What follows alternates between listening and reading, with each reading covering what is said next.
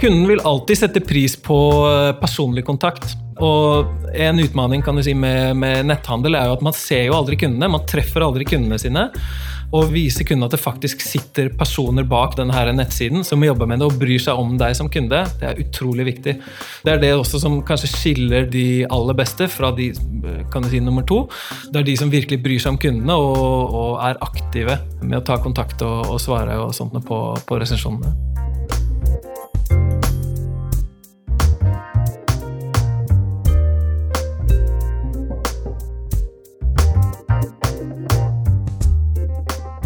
Produktanmeldelser er en svært viktig funksjon for å gi kundene trygghet når de handler på nettet. Og ti positive anmeldelser fordobler konverteringsgraden.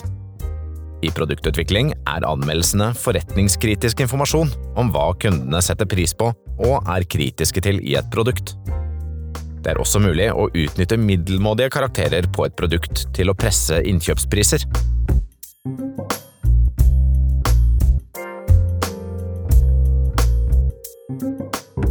Henning Frettam är CEO och grundare av Lipscore. Hej! Hej! Du, eh, morsomt att vara här i Oslo hos dig. Jeg har övat på det der. ja, det er veldig bra, veldig bra norsk at du, du, legger om til norsk når, eh, når du er her. Det... Ja, du, du, er grundare og driver bolaget Lipscore, som er en review hva skal vi kalle det, review-tjänst for e-handlare. Ja, det kan du godt si. Vi, eh, vi håndterer alt som har med, med, reviews, ratings og reviews for uh, e-handlere, rett og slett. Så om du er inne i en, en nettbutikk og, og, ser noe, disse her skjernene på produktene og, og resensjonene som, som, kundene legger inn, så kan det faktisk hende at de blir levert direkte fra våre servere, kan du si. da. Ja. Men du, hva skulle du si, for å bare komme direkte inn på emnet her, hvilket problem løser du for, for? De aller fleste som jobber med e-handel, vet at uh, ratings og reviews er, er viktig for, uh, for, både for kundene og for, for, de selv. De øker konvertering og, og sånt der. Men så er det samtidig veldig svårt å få kundene til å gi de her tilbakemeldingene. Jo, men altså, jeg vet jo når jeg handler saker, da får jeg nesten, så fort jeg har handlet, så vil jo e-handlaren at jeg skal lämna en recension, hvilket kjennes jo litt konstigt, for jeg har jo precis skickat iväg beställningen. Ja, um, og det, det, beror jo også på Det er jo tekniske ting eh, med det her som uh, bestemmer kan du si, timingen på disse, disse, invitasjonene, som vi kaller det, disse mailene du får etter at du har kjøpt et produkt, er utrolig viktig for å få opp andelen av tilbakemeldinger. Da. Så eh, til eksempel så er det, er det veldig viktig at uh, om du får en mail med å, å gi et betyg etter typ, den samme dagen eller, eller, to dager etterpå at du har gjort bestillingen, da har du ikke engang mottatt produktet, så du har jo ingen forutsetning for å, for å gi en, en, god tilbakemelding. Det som er viktig, er at man baserer det her på eksempel når produktet er sendt til kunden, eller når de har hentet ut varen fra sitt postkontor eller, eller fått den i, i brevlåda. Mm, mm. Men hva, hva, hvilket problem var det du løste? for? Ja, altså vi gjør det rett og slett veldig enkelt for, for e-handlernes kunder å gi en rating og review. Og vi får opp andelen, rett og slett. Med F.eks. om du tar en, et e-handelssystem som eh, Magento, eller stort sett alle e-handelssystem har innebygd funksjonalitet for uh, ratings og reviews, men de, de fungerer veldig dårlig. Det er veldig få kunder som legger igjen et betyg. Så, man, man, måste aktivt begära inn det her betyget? Ja, det stemmer. Så det er uh, selskaper som, som, Lipscore og andre og våre kan du si, uh, konkurrenter eller profesjonelle leverandører. Vi spesialiserer oss på å få, få, så mange kunder som mulig på å gi tilbakemeldinger. Og det er det problemet vi løser. Så med en, med en innebygget løsning så får du kanskje ratings og reviews fra ja, maksimalt 1-2% av kundene. Maksimalt. Med Lipscore og, eller med andre løsninger så får du fra ja, kanskje fra 5 til opptil 20% som gir en tilbakemelding etter et kjøp. Mm. Men du, Ni grundades 2013, eller hur? Ja, det stemmer. Hvorfor kom du på Det fantes vel redan sånne her løsninger ute på markedet? da, eller? Ja, det fantes eh, en del løsninger. Ehm, men det som var eh, Det startet faktisk med at jeg kjøpte noen, eh, noen produkter hos Elkjøp. Og etter det her kjøpet så fikk jeg en av disse her mailene. Vil du gi en rating av produktet? Og så tenkte jeg jeg ville det, jeg ville teste hvordan det her funket. Og så gikk jeg gjennom prosessen, jeg trykket på, på her knappen i, i, mailen. Og så kom jeg til et skjema som var så langt og så vanskelig Schema, Hva, hva, mener du med det? Ja, typ jeg kom, eh, når, du, når du trykker i, um, i uh, denne mailen, ikke sant? jeg vil gi et betyg på produktet, så kommer du tilbake til nettsiden, og så får du opp et sånt her uh, stort, det var stort man skulle fylle i, eller? Ja, det var masse greier man skulle fylle i. Det var, jeg tror det var sikkert ti eller tolv saker jeg måtte fylle i. Jeg måtte legge inn mitt navn, min e-postadress, eh, vil jeg rekommendere det produktet her til mine venner og familie. Uh, Det låter jo helt idiotisk. ja, ikke sant? Jeg må ha, måtte gi en overskrift, et kallenavn, eh, masse forskjellige frågor. Jeg var egentlig veldig motivert for å gi en review, for jeg syntes dette var et veldig bra produkt. Men prosessen med å gi denne tilbakemeldingen var så vanskelig at jeg ga opp halvveis, rett og slett. Og så fant jeg også ut at dette, denne løsningen som Elgiganten brukte da, det var faktisk fra en profesjonell leverandør. Ok, så det var inget hemmahack liksom? Nei, det var det ikke. Det var faktisk fra en stor amerikansk aktør. og så kollet jeg opp litt eh, på det her selskapet, og det viste at det selskapet faktisk som Elgiganten brukte, de var notert på Nasdaq. De omsatte for hundretalls millioner av dollar. Men de gjorde ikke bare det her? Eller? De gjorde bare det her. och Eh, gjorde det så dårlig? Og, og de gjorde det så dårlig rett og slett, at jeg ble ja, eh, forbanna, rett og slett. og tenkte at ja, det her kan jeg fikse. Men du hadde aldri fundert på det her tidligere? Eller? Er, det her ditt, første det här ditt första egna företag? Eller? Nei, jeg har vært med på noen eh, andre gründerforetak. Uh, jobbet litt i, i bettingbransjen annet, og, og litt sånn der. Jobbet, eh, jobbet som webutvikler tidligere. Men jeg hadde lenge, i, i mange år, egentlig lett etter et sånt mitt eget gründerprosjekt. Og når jeg fant ut det her og, og fikk tenkt igjennom saken, og sånt, så tenkte jeg da var det no turning back. Da, da måtte jeg bare kjøre på. Mm. hur, hur ser liksom techindustrin ut her i Oslo? Jeg må erkjenne at jeg har litt dårlig koll. Ett, liksom ett community med massa startups? Eller? Det har skjedd veldig mye i, eh, i Oslo og i mange andre steder også i, i landet de siste årene, vil jeg si. De siste fem årene, kanskje. Så har det skjedd veldig mye. Norge er jo veldig store innenfor eh, olje og gass, som, som alle vet. og det er der Ja, men når man leser altså, norske affærstidninger, så er det mye nyheter om sjøfart, olje og Det fisk. er det fortsatt. fisk. Ja. Det er det fortsatt, og det satses fortsatt veldig mye på, Ja. på fisk og petroleumsindustri. Altså, alle vet nå dem om det her grønne skiftet, og olje og gass eh, kommer til å ta slutt om, om ikke så altfor lenge. Så Norge også begynner å omstille seg, og begynner å ha mye mer fokus på tech-selskaper og startups og, og sånn der. Også selv om eh, kan du si, investorscenen, som er viktig for, for selskaper som oss, den er jo fortsatt liten og mye mindre, og, og jeg vil også kanskje tro mindre profesjonell enn enn i Sverige. Ja, Men i Stockholm så går man på sånne startup meetings, då kommer det ju så här från Kalifornien, de här största VCs sitter och lyssnar på. Ja, ja, ja. Det är helt otroligt. Mm, ja, det er, det är jättebra, og det har vi ikke i Norge enda. Men det kommer, det beveger seg også i, i positiv retning i, i Norge og i, i Oslo, men der har vi fortsatt litt igjen å gå. Men du, ibland måste man ställa självklara frågor, men, men varför ska e-handlare hålla på med rating och reviews egentligen? Ja, Det er et godt spørsmål. Eh, For det første så handler det mye om å skille seg fra sine konkurrenter. Og Men har ikke alle det her redan? Nei, de har egentlig ikke det. I hvert fall ikke system som fungerer. Du har sikkert sett selv eh, når du er ute på nett og, og skal se etter noen produkter, så finner du ofte denne teksten 'bli den første til å resensiere det her produktet'. Eller du, du ser at ok, kanskje det er noen utrolig populære produkter som har kanskje tre-fire resensjoner, mens resten har, har ingen er bare tomme stjerner overalt. Ja. Det vi ser, er at de selskapene som har en bra andel av, av ratings og reviews på produkter, får rett og slett øket konvertering. Eh, og vi ser på våre kunder at de produkter som har mer enn ti ratings, til eksempel, konverterer dobbelt så bra i forhold til andre produkter som har, Men eh, som har om, mindre. om man har tre bra og én dårlig, då? Ja, Det beror jo på, det, det er klart, er det et dårlig produkt, så, så vil de jo selge mindre.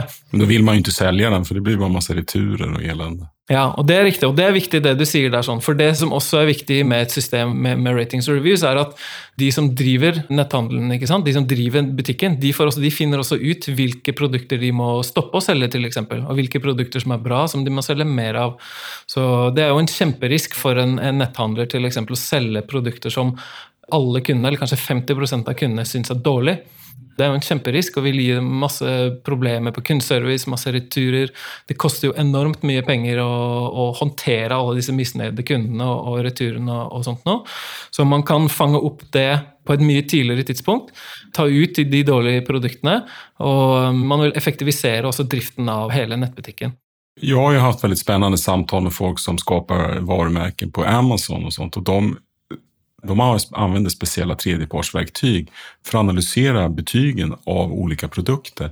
De använder det här som ett sätt för att utveckla egna produkter, alltså recensioner av andras produkter. För då kan de se vilka som är svagheterna, vilka features som kunderna gillar och vad som de irriterer sig på. Mm. Og det er vel, Amazon selv er vel eksperter på, på, dette her, faktisk. De er jo veldig gode på dette her. Og Vi ser jo også at brands, f.eks., de som produserer produktene ikke sant? Vi har jo noen kunder som ja, er produsenter, er egne, egne, brands, rett og slett. De lager sine egne produkter. Der er det jo utrolig viktig i produktutvikling til eksempel, å se på hva, hva, kundene gilder, hva de ikke gilder, og om det er noen feil med produktene og, og sånt. Om storlek, til eksempel, om den er for stor, for liten. Men du, hur många sales måste man ha per vecka eller per dag för att det ska vara någon mening att använda? För att jag menar, är man för liten så misstänker jag att det här inte, det spelar ingen roll. Om du bara har liksom, säljer tio grejer i veckan, då är det ju knappast meningsfullt. Ja, det stämmer. Eller, det finns stämmer det, till finns, det, finns det någon gräns?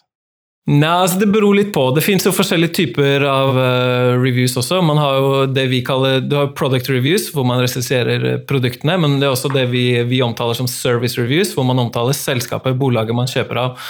Så, så begge deler vil gi en, en veldig positiv effekt. Så ni, ni, ni separerer alltid det her? Så ni har både butikken i seg og produktet? Ja, det stemmer. Så man kan, man kan kombinere dette her. Da. Så eksempel eh, at man kan få til eksempel 10 av, av kundene gir en, en, det vi kaller en service review, mens 90% gir en product review fordi det er mange flere produkter. Så dette kan man eh, kombinere. Men for å svare på spørsmålet ditt, så vil jo jeg vil tenke, altså Du vil alltid være en positiv effekt av ratings og reviews, og så lenge de, kunden tenker at dette er eh, ekte, til eksempel, at det ikke er, er fake. og, og sånn der én positiv review vil være bedre enn en ingen. Men det er klart, har du mindre enn si, ja, mindre enn 50 eh, ordre i, i måneden f.eks., så er det jo vanskelig å bygge opp en, en portefølje med, med, reviews. Hvorfor lemner konsumentene reviews? Hva er det som driver dem? Ja, Det er et godt spørsmål. Det er de alle, eller Veldig mange nå um, leser jo reviews før de kjører. og be, altså, De kjøper ikke produkter uten at det fins eh, ratings og reviews på, på produktene. For de fleste leser vel reviews, eller ja, hur? Absolutt. Nesten absolutt. alle, eller? Ja, det er veldig mange. Over 90 av, av de som handler på nettet, leser reviewene hvis de er hvis de er tilgjengelige. Og over 70% faktisk leter aktivt etter produkter med reviews. Så det er veldig, veldig viktig. Og altså, det som er en, en generell misoppfatning blant mange e-handlere, er at kundene trenger en form for insentiv. At de trenger en eller annen belønning eller en rabattkode eller, eller noe sånt der for å gi en, en eh, resensjon, men det stemmer faktisk ikke. Har man et bra system for å håndtere Det er enkelheten som er hemmeligheten? Egentlig. Ja, faktisk. Så har man et enkelt system som gjør det lett for kunden å gi en, en tilbakemelding, en, en, rating og en review, så gjør kundene dette uansett om de får en, en insentiv eller ikke. Jeg har vært på litt for mange dårlige restauranter som har kjempebra betyg.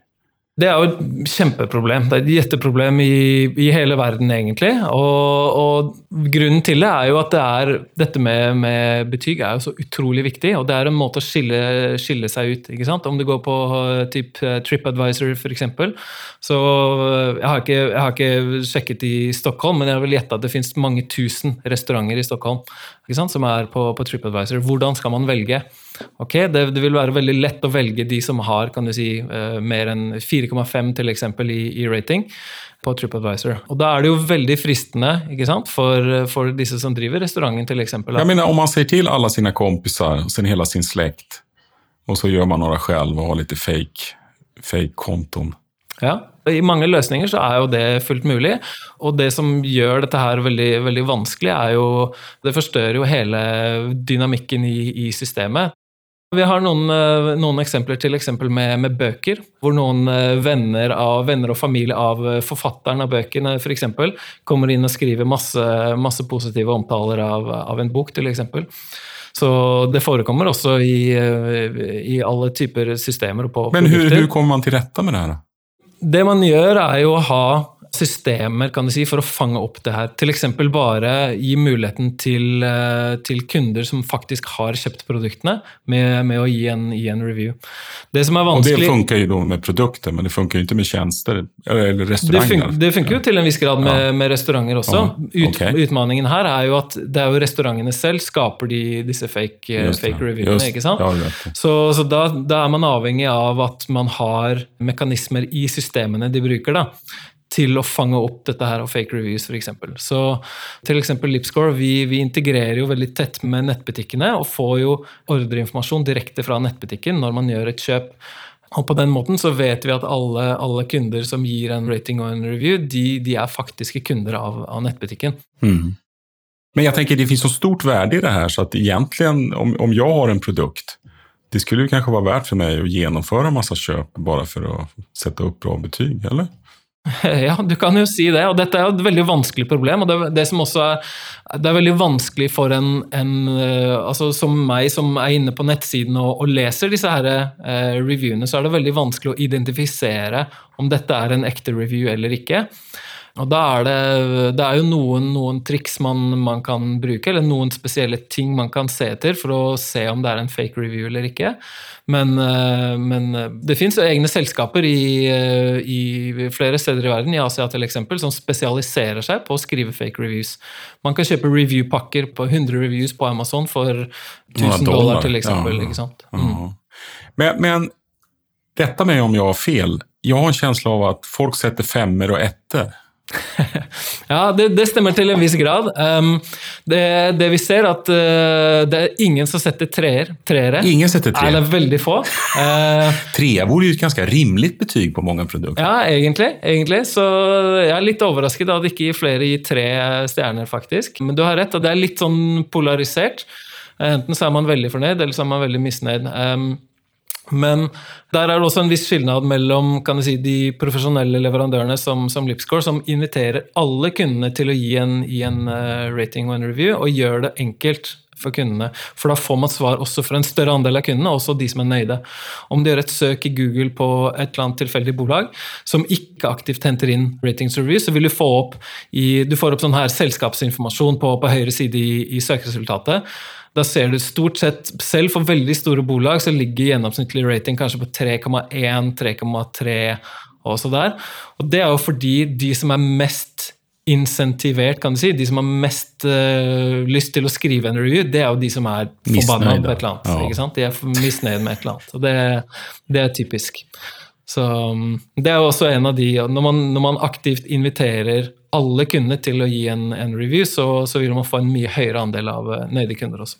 Men jeg har en känsla av at konsumenterna er väldigt vana med det her med reviews. Jeg tror faktisk at konsumenterna har en förmåga å bedöma enskilda recensioner. För att det er ganske lett å ta bort de her ettorna oftast. För man kjenner att det där er ju bare någon sur galning. Det er jo ett troll. Liksom. Jag menar, de finns jo der. Ja, absolut. Alltså, typ, man ser de skriver, de, de hackar ned på noen på någon obetydlig grej.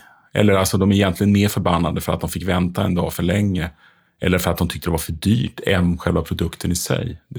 Jag, jag tycker att man kan analysere, og det, det, tror jeg faktisk konsumenter gjør. Eller hva tenker ja, det du? Tror, det tror jeg også. Så jeg tror ikke som, som e-handler eh, til eksempel, så skal man ikke være, være redd for uh, negative eh, betyg heller. Fordi for det første så gir det jo kredibilitet til hele, hele løsningen. Man forteller andre kunder at her vi har ingenting å skjule. Og samtidig så vil jo konsumentene ikke sant, de vil jo de vil jo lese det som står der, og forstå ok, her er det en, eh, en person som er eh, forbanna over å ha fått eh, et produkt to uker senere enn han skulle. Men så lenge det er en, et overtall kan du si, av, av, positive tilbakemeldinger, så vil jo de aller fleste, aller fleste konsumentene forstå at ok, dette her er bra greier. For lenge siden så jeg en undersøkning, jeg vet ikke om det gjelder lenger, at forsäljning kunne øke om man hadde noen negativ betyg for at, precis som du sier, det øker troverdigheten. Ja, det stemmer. Stemmer det? Ja, ja, absolutt. Det stemmer. Så det er bra å ha noen negativ? Ja, absolutt. Men det får ikke være for mange? Nei, for du, du, kan jo tenke selv om du skal gå inn i en nettbutikk, så ser du rundt på mange produkter, og så ser du f.eks. et produkt som har 50 eh, resensjoner. Så er det ingen av disse her resensjonene som er på én eller to stjerner, f.eks. Da blir man mistenksom. ikke sant? Man blir eh, urolig. Hva er dette her for noe? Lurer de meg? Og så går man heller et annet sted og gjør sitt kjøp. Skal man agere på negative recensioner? Det si at man er- et man da er det jo ens egne produkter. Er du återförsäljare kan du bare slutte sluta selge den. Liksom.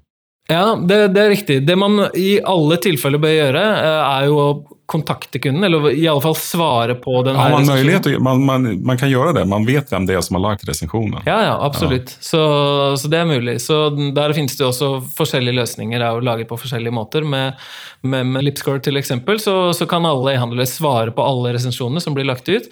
Man kan også sende private meddelende til eksempel til en person som kanskje har misforstått noen ting om produktet, eller om man har til eksempel har fått eh, Det har skjedd, noen med, skjedd noen ting i frakt. Kanskje produktet er ødelagt, eller, eller noe sånt. Så ta kontakt med kunden. Vis at din kundetjeneste er, er god, og at du har en god service. Så vil kunden mye oftere fokusere på den gode kundetjenesteopplevelsen de har, enn den negative med produktet. Får man ta bort negative resensjoner, da? Nei, det er faktisk eh, ganske mye diskusjoner om det her. Det er mange som gjør det. Eh, Man kan gjøre det. Det beror også på, på de forskjellige løsningene. I Lipscore så har vi en veldig streng policy på at det ikke er lov. Man kan selvfølgelig ta bort resensjoner om de er typ fule ord, til eksempel. eller, da får man ta bort det. Ja. Ja, ikke sant? Da kan man ta bort det. Eller om det er noen personlige ting, f.eks., så, så kan man ta bort det. Men det er ikke lov å ta bort negative reviews bare fordi de er negative. Og det fins ganske mye økt fokus blant eh, de her forbrukermyndighetene nå. Og i USA til eksempel, så er det nå, jeg tror det er kanskje en, en måned siden, det var et stort amerikansk selskap som fikk 4,2 millioner dollar i bot. I fines fra det er vel FCC det heter, tror jeg, i, i USA. Fordi de tok bort alle negative reviews. De hadde kun Men det var ikke lagligt å gjøre det ens en gång. Nei, faktisk ikke. Men är det lagligt i Norge och Sverige? Nei, det er det ikke. I, Det är inte eh, lagligt i Sverige heller, nej. Nei, det er det ikke. I eh, EU og EØS-lovgivningen så er det veldig strenge regler mot dette her. Men du tycker om man får negativa recensioner, då man ska kontakta kunden, det tycker du att man ska göra? Ja, Och försöka å reda ut det. absolutt. Hvis at man har en, en god tjeneste, en god service, at man bryr seg om kunden, det er, det er veldig viktig. Om man får väldigt bra betyg då, är det någonting man ska göra då? Kunden vil alltid sette pris på eh, personlig kontakt. Og en utfordring si, med, med netthandel er jo at man ser jo aldri kundene. Man treffer aldri kundene sine. Og vise kunden at det faktisk sitter personer bak denne nettsiden som jobber med det og bryr seg om deg som kunde. Det er utrolig viktig. Det er det også som kanskje skiller de aller beste fra de kan du si, nummer to. Det er de som virkelig bryr seg om kundene og, og er aktive med å ta kontakt og, og svare og sånt på, på resensjonene. Mm. Du, ni är ju ett norskt företag, men ni har ju massa svenska kunder. Jag tänker, Sverige och Norge, någonstans är vi ju väldigt lika varandra, men ändå olika. Gäller det hur man skriver recensioner også? Vi har ikke merket så veldig stor skillnad i selve resensjonene. Og, Så og er ikke grinigere, eller, eller så? Nei. Nei, nei, jeg vil ikke si det. altså. Det som er, det som er litt, uh, litt spennende, vi har, det er litt annerledes hvordan vi formulerer disse her eh, invitasjonsmailene, eksempel. De mailene vi sender ut når vi ber om en resensjon. Der er det litt skillnad, faktisk. Altså, ni må formulere det annorlunda når ni sender ut til en svensk eller skikker ut til en norsk. Ja, faktisk. På hvilket sett da? Til eksempel så har vi, vi har noen sånne eh, e-mail-templates som vi bruker, hvor vi spør de norske kundene har du mottatt produktet. Altså har du, har du fått hentet ut produktet. Det har vi også forsøkt i, eh, i den svenske markedet. Um, og det er litt morsomt, fordi de svenske, de som mottar disse mailene, de, veldig mange uh, syns jo det er helt ok, eller det funker, funker bra, men det er veldig stor, eller mye større andel av svensker som tar kontakt med nettbutikken og lurer på om det er noe feil, eller noen ting som Ok, er det noen ting som Så det blir kundsupportärenden då? de Ja, rett og slett. Ja. Um, Men hvordan formulerer er til svensk? Da? Nei, det er mer, mer den frågan får spesifikt- altså. Ja, det er mer spesifikt på Man er mer direkte, til eksempel. Ja, hva skal man si? Eh, gi et betyg. Eller trykk her for å gi et betyg, istedenfor eh, litt mer sånn generelle formuleringer som, som man bruker i, i Norge.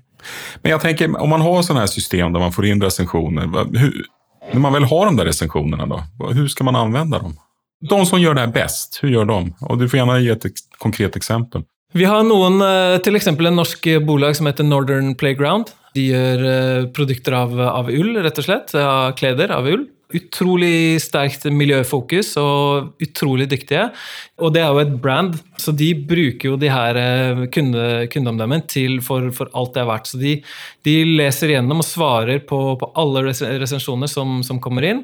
Og, og, de får også De ser jo også på hva kundene kommenterer på egenskapene til produktene, f.eks.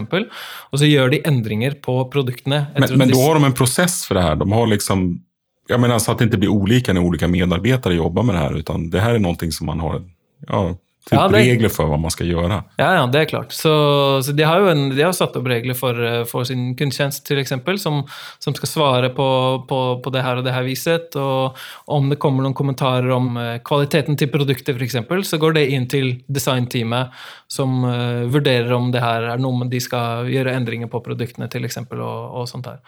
Andre kunder som er veldig dyktige, er jo de som bruker disse dataene i, i innkjøpssammenheng, f.eks. Man du, slutter å kjøpe greier som får dårlige Ja, men man går også til leverandørene så sier man ok, kjære leverandør, dine produkter eller dette produktet har en gjennomsnittlig rating på, på 3,9, mens din konkurrent på dette produktet så får jeg 4,3 i gjennomsnittlig rating. Om jeg skal fortsette å selge på dette produktet, så, så må jeg få bedre priser, f.eks. Jeg, må få, jeg må få kjøpe inn billigere hvis jeg skal fortsette å selge. Mm. Så man kan ha det som forhandling for å få ned det? Det er jo smart. Ja, faktisk. Så, så det, det, finnes ganske mange, sett man, eh, man, kan bruke de her dataene på. Og så internt i, i organisasjonen. F.eks. en, en lager, lagerarbeider som står og pakker varer hele dagen. Det er utrolig verdifullt for de som jobber på lageret. og få til en, Om det er en kunde som skriver ok, fantastisk, jeg fikk varen min eh, dagen etter jeg bestilte. Jettebra jobba. Det er utrolig verdifullt, og det gir jo en spesielt god kjensle for den personen som jobber på lageret, f.eks., å få en sånn tilbakemelding. Så det finnes mange ulike sett å bruke disse dataene på, som, som kanskje ikke er helt åpenbar for, for alle. Jeg tenker Annars burde det her rimelig å anvende i sin markedsføring. Definitivt. Så, Hvordan gjør man det best da? da? Det er jo veldig vanlig å kjøre på Instagram f.eks. Eh, at man kjører ut disse her stjernene på, på bilder man publiserer f.eks. Man kan publisere um, disse altså resensjonene kundene skriver. User-generated content og social proof er utrolig sterkt i, i markedsføring. Og, og, det brukes jo av, av alle, stort sett. Mm. Om man har en sånn profesjonell tjeneste som Lipscore eller noen annen, tykker du man skal ta in social proof typ från sociala medier och sånt också? Eller, eller, eller ska man bara hålla sig till den här recensionstjänsten? Eller vad om vi da som selskap, som, om Lipscore som selskap skal gjøre mange forskjellige saker, mange forskjellige produkter og tjenester, så vil vi kanskje være i beste fall medioker på, på alle, alle, tingene. Vi vil mm. aldri bli eksperter på noen ting. Så Lipscore har en, har en filosofi om at vi skal være sjukt gode på ratings og reviews. Og så kan andre ta seg av type social media og, og sånne ting. Vi gjør gjerne integrasjoner til eksempel, med, med kundeklubbkonsepter til eksempel, og ja, andre sorts verktøy. Men, men, vi spesialiserer oss på ratings og reviews, og, og det er det vi er gode på. Og, um, og så kan andre drive med andre ting. Mm.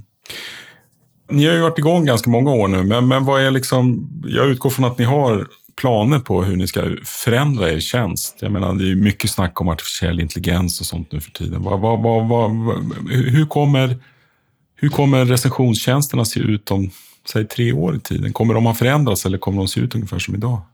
Jeg tror Det har vært, eh, det er et veldig godt spørsmål. Det har vært, um, ratings og reviews har vært core business for uh, Amazon i, siden 90-tallet. Ja, og Jeff Bezos han, de, de, de lyfts jo oftest fram. Jeg har jo lest masse bøker om Amazon. og just for de var vel nesten egentlig først med det her, eller hur? Ja, faktisk. Mm. Og, og, og, det lyftes nesten alltid fram som at det var en sånn her avgjørende greie for Amazons framgang. Ja, det stemmer. Og Jeff Bezos, da han gikk av som, som CEO i, i, Amazon, så var det faktisk det aller, aller første han skrev i sin tale til uh, sine ansatte. Da han fortalte om hva, hva, Amazon hadde gjort i historien, kan du si, så var dette med ratings og reviews det aller første han nevnte i, i sine kan du si, achievements som eh, aktør på, på, internett. Og det er utrolig viktig. Det som jeg synes er litt interessant, er at selve kjernefunksjonaliteten har ikke endret seg så veldig mye. Egentlig, Ingenting det har, det har, kommet litt flere funksjoner, det har blitt enklere, til eksempel. Men dette kjernefunksjonaliteten med, med, med betyg og, og, resensjoner, det er fortsatt veldig likt. Jeg tror at det kommer til å være ganske likt framover, men man kommer til å bygge flere funksjoner rundt dette her.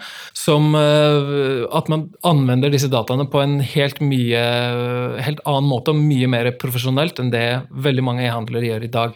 Alltså jag tänker ju spontant, utan att veta så mycket, att det här vill man ju ha in i sin, som sina KPI på något sätt. Och, och, kunna, man vill få fram ett smart beslutsunderlag för allting man gör, eller? Ja, men det, det kanske redan, den funktionaliteten kanske egentligen redan, men alltså göra det ännu mer förfinat, kanske plocka in, in extern data. Och, Ja, det stemmer. Så en av, en av, de prosjektene vi holder på med nå, er det vi kaller Lipscore Analytics. Hvor man, hvor man tar alle disse dataene vi har på, på, ratings og reviews, og man har jo inkludert kan du si det, så har man jo produktdata, trafikkdata fra nettbutikkene og salgsdata og sånne ting. Og man kan også supplere f.eks. Med, med supply chain-data, prisdata, prissammenligningstjenester f.eks. Så vil man kunne få et totalbild kan du si, på sin e-handel, og hvordan, eh, altså, hvilke produkter vi har, hvor bra de er, hvor dårlig, og sånne ting. Men man kan også, og det som jeg tror kommer til å bli veldig viktig i framtiden, er at man kan hjemføre seg med sine konkurrenter og andre, andre selskaper i samme bransje, f.eks. Men den funksjonaliteten fins ikke i dag, eller? Den fins ikke i dag, ikke så vidt jeg vet i hvert fall, men det er noe vi jobber med å lage, faktisk, og bygge. Uh, uh. Hva er det viktigste du jobber med just nå? Det er faktisk akkurat det. Det vi kaller Lipscore Analytics. Det kommer til å være et kjempeviktig prosjekt for oss framover.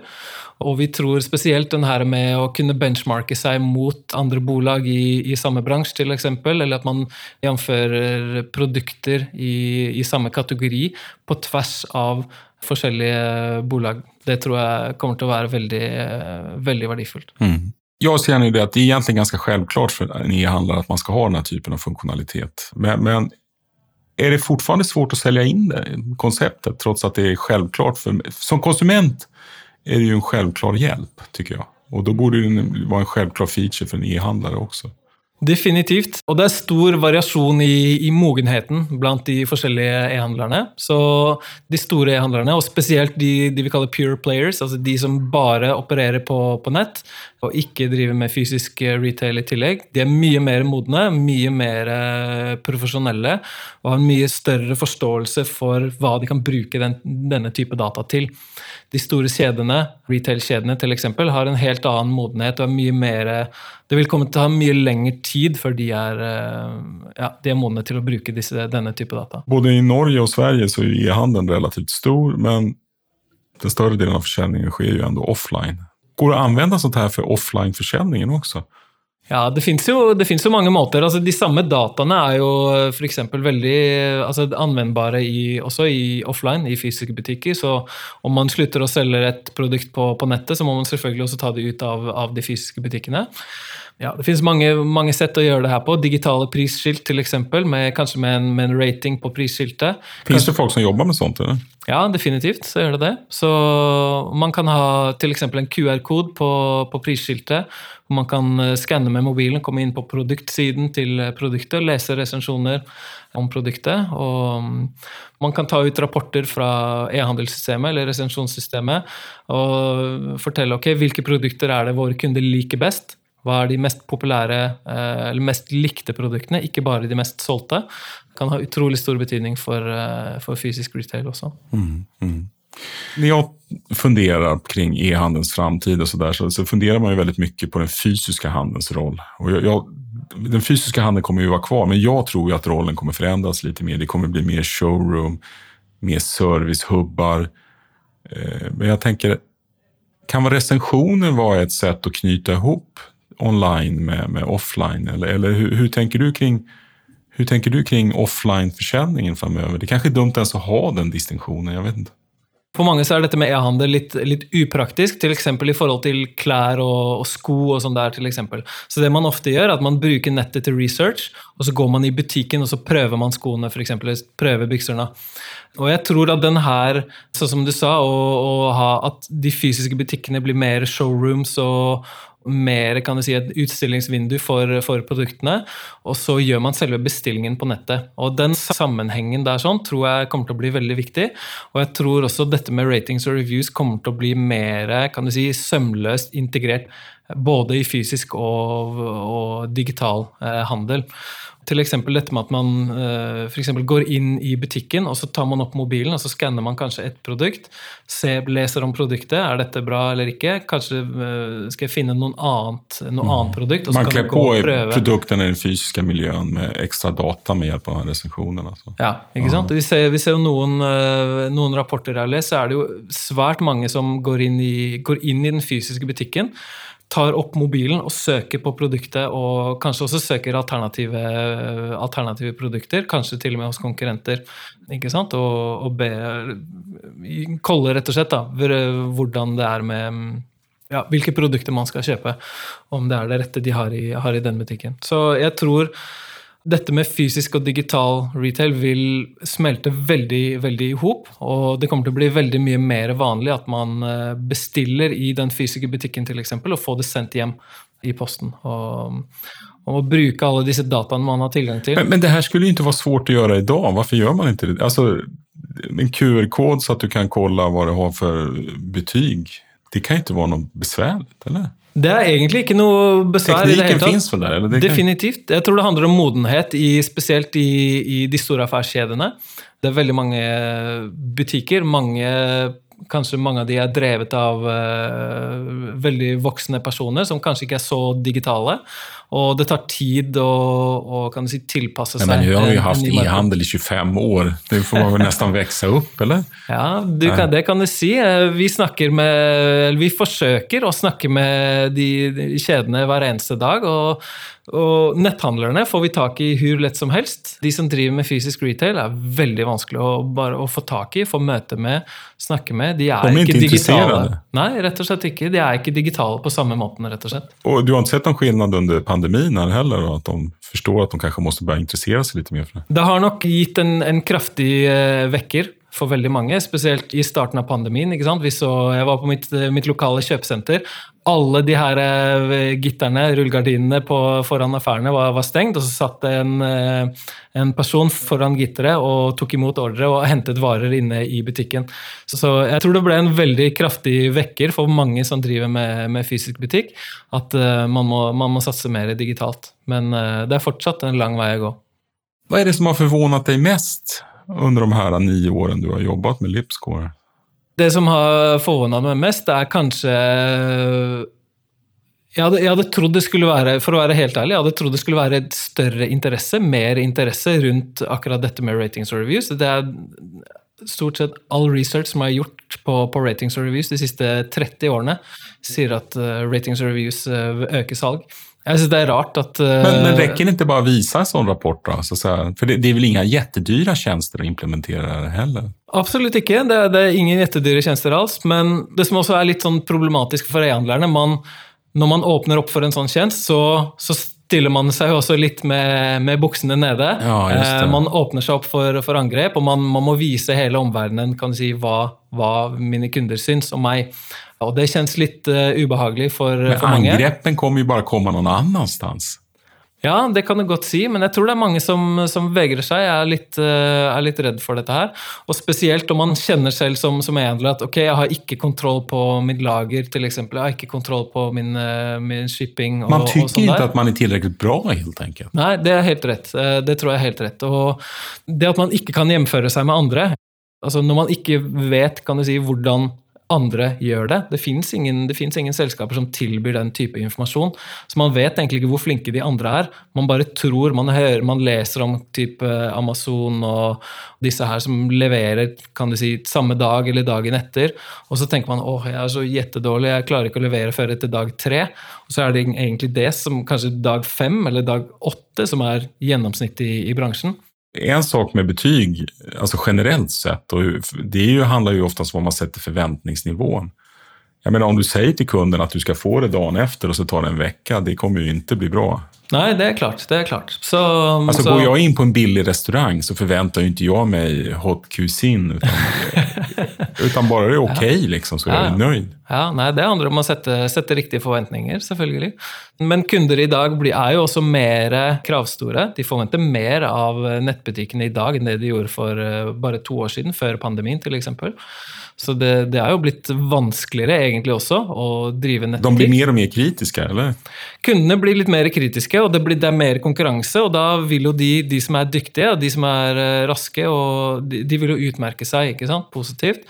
Og det blir vanskeligere for de mindre aktørene å, å kan du si, merke ut seg. Mm. Henning Frettam, CEO og gründer av Betygstjänsten, får jag använda det ordet? Ja, absolut. Livscore. Jättetrevligt att komma hit. Tack ska du ha. Tack för att jag fick komma.